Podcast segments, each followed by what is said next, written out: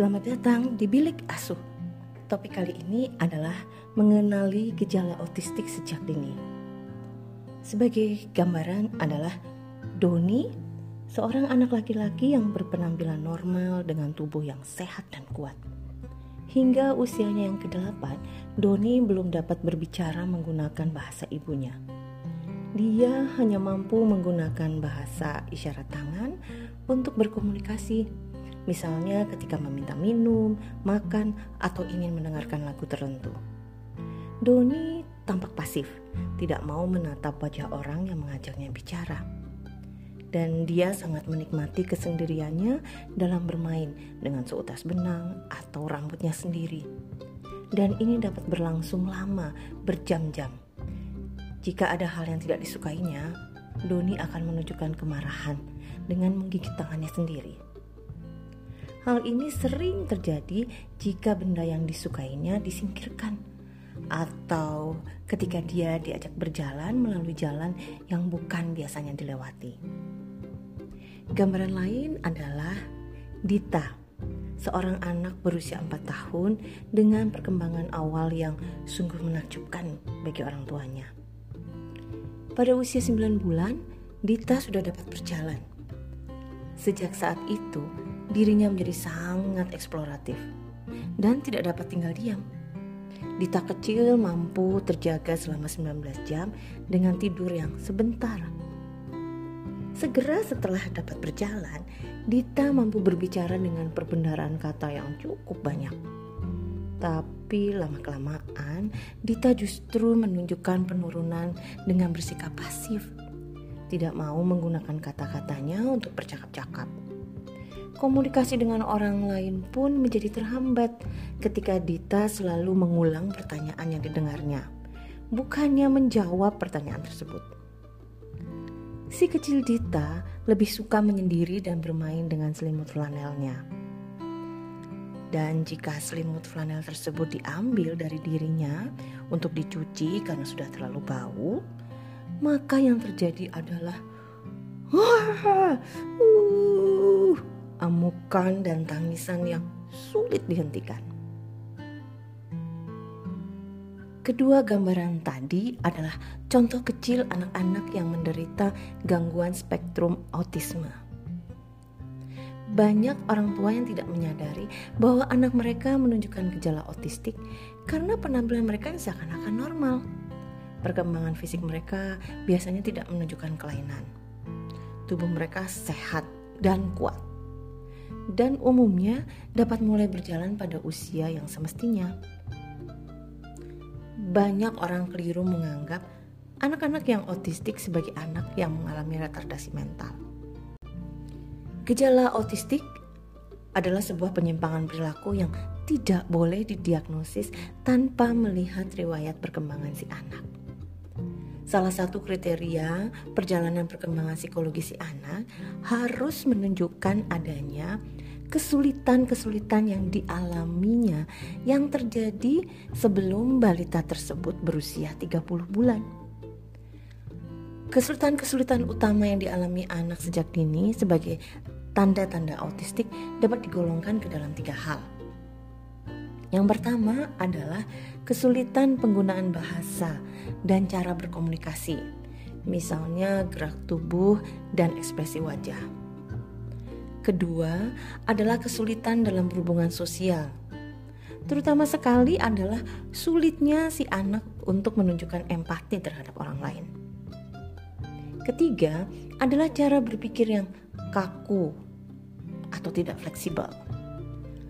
Walaupun demikian, tidak berarti tingkat intelijensi anak-anak autistik pasti rendah. Dalam beberapa kasus, ditemukan anak-anak autistik yang memiliki intelijensi tinggi dan sangat berbakat dalam bidang nonverbal.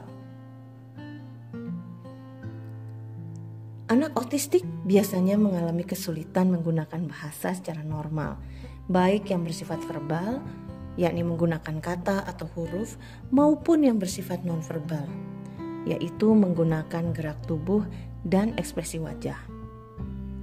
Beberapa anak autistik awalnya menunjukkan kemampuan bicara, namun tiba-tiba mengalami kemunduran dan berangsur-angsur menjadi pendiam. Sebagian yang lainnya mengalami keterlambatan bicara hingga usia 2 tahun lebih. Anak-anak autistik ini umumnya memiliki kecenderungan untuk mengulang pertanyaan atau kalimat yang baru saja didengarnya. Gejala tersebut dikenal dengan istilah ikulalia.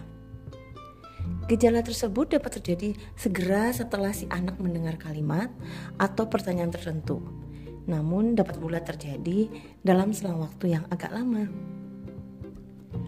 Anak bergejala autistik menunjukkan kesulitan dalam membina hubungan sosial. Karena apa? Karena kurangnya intensi dan perasaan terhadap orang lain. Banyak anak autistik yang lebih asyik dengan dunianya sendiri ataupun sesuatu yang dikerjakannya dan menjadi ketakutan ketika ada orang asing di dekatnya.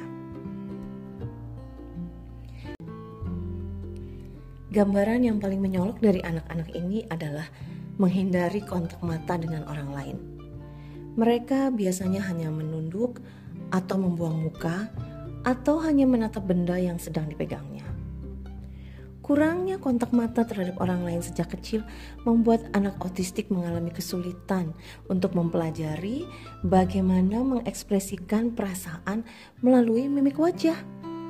Sebagai akibatnya, anak autistik umumnya memiliki ekspresi wajah datar dan sulit ditebak perasaannya. Perkembangan kognitif pada anak autistik ini sering disalahartikan sebagai perkembangan yang buruk yang ditandai dengan IQ yang rendah. Hal ini menyesatkan bagi banyak orang. Tes intelijensi yang diberikan pada anak autistik tidak boleh dilihat hanya dari nilai total, melainkan dari masing-masing subtes. Banyak kasus anak autistik yang menunjukkan IQ normal, sehingga tampaknya tidak ada gangguan. Padahal, jika dilihat dengan seksama, terjadi perbedaan atau diskrepensi yang menyolok antara kemampuan verbal yang rendah dan kemampuan nonverbal yang cukup tinggi atau baik. Perkembangan kognitif yang khas pada anak autistik ditandai dengan cara berpikirnya yang kaku dan tidak fleksibel. Sebagai contoh, seorang anak autistik biasa mengurutkan mainannya atau bonekanya dengan urutan tertentu. Misalnya dari si kera, anjing, kambing, panda, ulat, lalu buaya, dan seterusnya. Dan urutan ini tidak boleh diubah oleh orang lain. Jadi nampak adanya kecenderungan perilaku ritual, sesuatu yang teratur dan sama yang berulang yang tidak boleh diubah. Itu sebabnya sering terjadi anak autistik mengamuk jika rute perjalanan yang biasanya ditempuh diubah melalui jalan lain.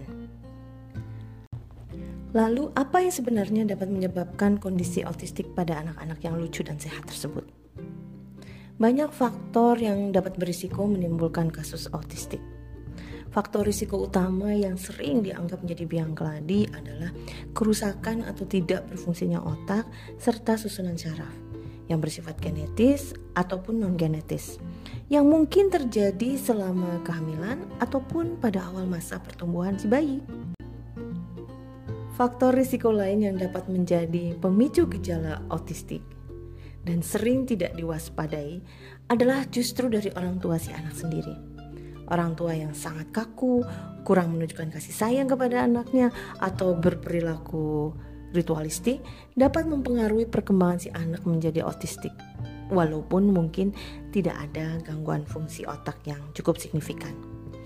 Begitu pula faktor risiko akibat penelantaran Contohnya pada banyak kasus kelahiran anak yang tidak dikehendaki, mungkin karena di luar nikah atau jenis kelamin anak tidak sesuai dengan harapan. Hal ini menyebabkan anak terisolasi secara emosional dari orang tuanya. Akibatnya, anak ini tidak dapat belajar mengekspresikan perasaannya secara positif dan cenderung menarik diri dan asyik dengan dirinya sendiri. Lantas, sebagai orang tua, pemeriksaan sederhana apa yang dapat dilakukan terhadap sang buah hati? Yang pertama, bagaimana hubungan anak dengan orang lain. Apakah anak sekedar kurang kontak mata atau menghindar sama sekali dari tatapan orang lain? Diam jika dipanggil dan tidak menjawab jika diajak bicara di hadapannya. Kedua, bagaimana kemampuan mengekspresikan perasaannya.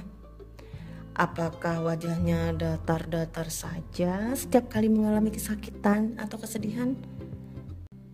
juga tanpa senyum ketika mengalami rasa senang? Bagaimana gerak-gerik tubuhnya? Apakah si anak sering menunjukkan gerak-gerik yang aneh seperti memutar-mutar jempolnya berjam-jam tanpa lelah atau berdiri berputar-putar terus-menerus atau gerak lainnya? Keempat, bagaimana hubungan anak dengan benda-benda di sekitarnya? apakah si anak lekat dengan benda mainannya atau barang lain. Dan ketika diambil atau diganti dengan yang lain, dia selalu mengamuk. Kelima, bagaimana adaptasi anak dengan lingkungan baru? Apakah si anak cenderung mengamuk kalau dibawa ke tempat yang asing dan baru melalui jalan yang berbeda? Kamar tidur atau susunan mainannya diubah? Bagaimana reaksinya? Walaupun tingkah laku Autistik tampaknya suatu gangguan perilaku yang kompleks, bukan berarti tidak dapat dikelola dengan baik. Jika si anak mengalami tanda-tanda autistik, jangan dianggap sebagai pesakitan atau aib yang harus dijauhi. Psikolog dan pendidik yang dibekali dengan pengetahuan mendalam tentang autisme dapat membantu anak autistik untuk berkembang secara optimal menjadi anggota masyarakat yang sangat berguna.